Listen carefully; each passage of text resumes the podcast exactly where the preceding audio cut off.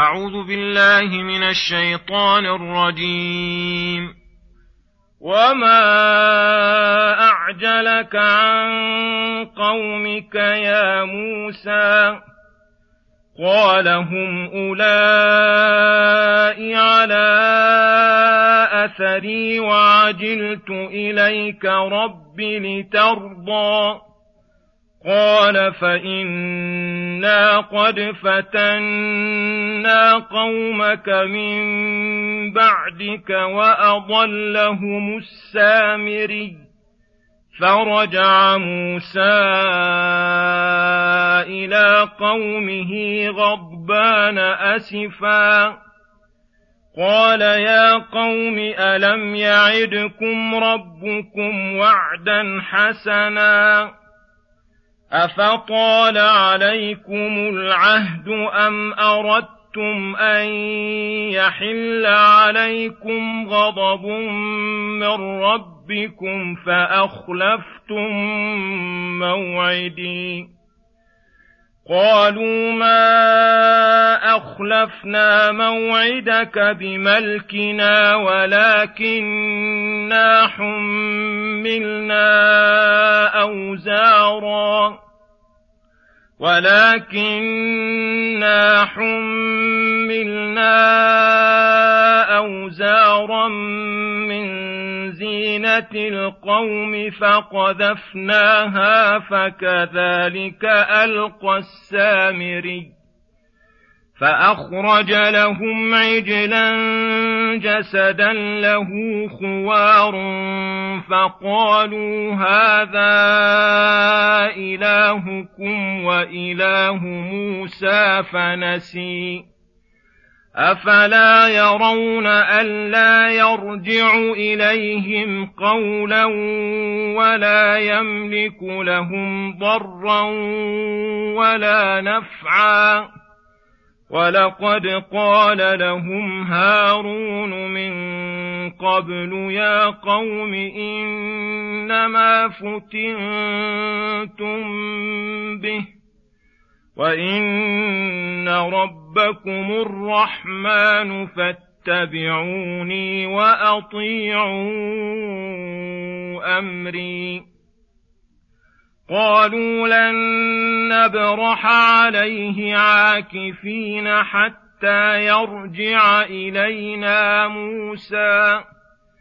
قال يا هارون ما منعك إذ رأيتهم ضلوا؟ ألا تتبعني أفعصيت أمري؟ قال يا ابن أم لا تأخذ خذ بلحيتي ولا برأسي. إني خشيت أن تقول فرقت بين بني إسرائيل ولم ترقب قولي. بسم الله الرحمن الرحيم. السلام عليكم ورحمة الله وبركاته. يقول الله سبحانه وما أعجلك عن قومك يا موسى. كان الله تعالى قد واعد موسى أن يأتيه لينزل عليه التوراة ثلاثين ليلة فأتمها بعشر.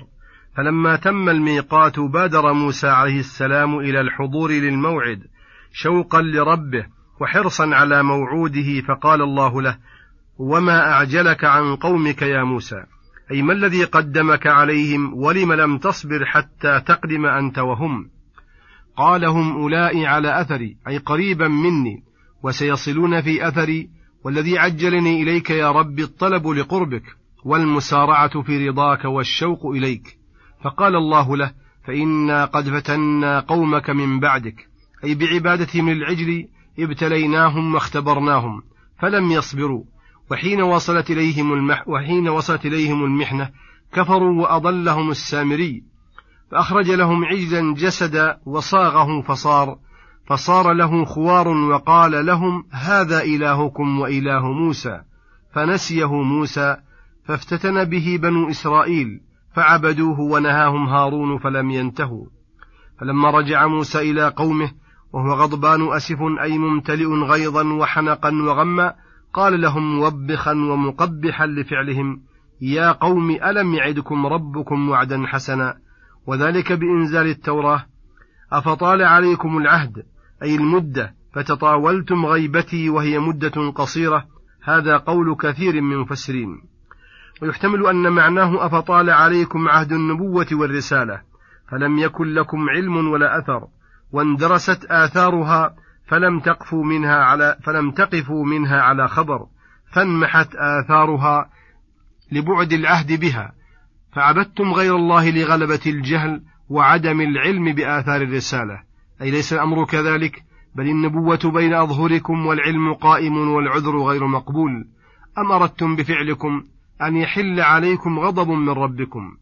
أي فتعرضتم لأسبابه واقتحمتم موجب عذابه وهذا هو الواقع.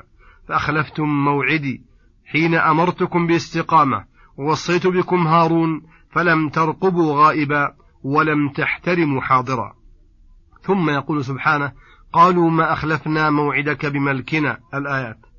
أي قالوا له ما فعلنا الذي فعلنا عن تعمد منا وملك منا لأنفسنا ولكن السبب الداعي لذلك أننا تأثمنا من زينة القوم التي عندنا وكانوا فيما يذكرون استعاروا حليا كثيرا من القبط من القبط فخرجوا وهو معهم وألقوه وجمعوه حين ذهب موسى ليراجعوه فيه إذا رجع. وكان السامري قد بصر يوم الغرق بأثر الرسول فسوت له نفسه أن يأخذ قبضة من أثره وأنه إذا ألقاها على شيء حي وأنه إذا ألقاها على شيء حي فتنة وامتحانا فألقاها على ذلك العجل الذي صاغه بصورة عجل فتحرك العجل وصار له خوار وصوت. وقالوا إن موسى ذهب يطلب ربه وهو ها هنا فنسيه. وهذا من بلدتهم وسخافة عقولهم حيث رأوا هذا العجل الغريب الذي صار له خوار بعد أن كان جمادا فظنوه إله الأرض والسماوات. أفلا يرون أن العجل لا يرجع إليهم قولا أي لا يتكلم ويراجعهم ويراجعونه ولا يملك لهم ضرا ولا نفعا. فالعادم للكمال والكلام والفعال لا يستحق أن يعبد وهو أنقص من عابديه. فإنهم يتكلمون ويقدرون على بعض الأشياء من النفع والدفع بإقدار الله لهم. ثم يقول سبحانه ولقد قال لهم هارون من قبل يا قوم إنما فتنتم به الآيات. أي إنهم باتخاذهم العجل ليسوا معذورين فيه. فإنه وإن كانت عرضت لهم الشبهة في أصل عبادته فإن هارون قد نهاهم عنه وأخبرهم أنه فتنة وأن ربهم الرحمن الذي الذي منه النعم الظاهرة والباطنة الدافع للنقم وأنه أمرهم أن يتبعوه ويعتزلوا العجل فأبوا وقالوا لن نبرح عليه عاكفين حتى يرجع إلينا موسى. فأقبل موسى على أخيه لائما وقال يا هارون ما منعك إذ رأيتهم ضلوا ألا تتبعني؟ فتخبرني لأبادر للرجوع إليهم. أفعصيت أمري في قولي؟ أخلفني في قومي وأصلح ولا تتبع سبيل المفسدين. فأخذ موسى برأس هارون ولحيته يجره من الغضب والعتب عليه فقال هارون يا ابن أم ترقيق له وإلا فهو شقيقه. لا تأخذ بلحيتي ولا برأسي إني خشيت أن تقول فرقت بين بني إسرائيل ولم ترقب قولي. فإنك أمرتني أن أخلفك فيهم فلو تبعتك لتركت ما أمرتني بلزومه وخشيت لائمتك وأن تقول فرقت بين بني إسرائيل حيث تركتهم. وليس عندهم راع ولا خليفة. حيث تركتهم وليس عندهم راع ولا خليفة فإن هذا يفرقهم ويشتت شملهم. فلا تجعلني مع القوم الظالمين ولا تشمت فينا الأعداء. فندم موسى على ما صنع بأخيه وهو غير مستحق لذلك فقال رب اغفر لي ولأخي وأدخلنا في رحمتك وأنت أرحم الراحمين. ثم أقبل على السامري فقال ما فما خطبك يا سامري؟ إلى قوله في اليم نسفا. وصلى الله وسلم على نبينا محمد وعلى آله وصحبه أجمعين. وإلى الحلقة القادمة غدا إن شاء الله. والسلام عليكم ورحمة الله وبركاته.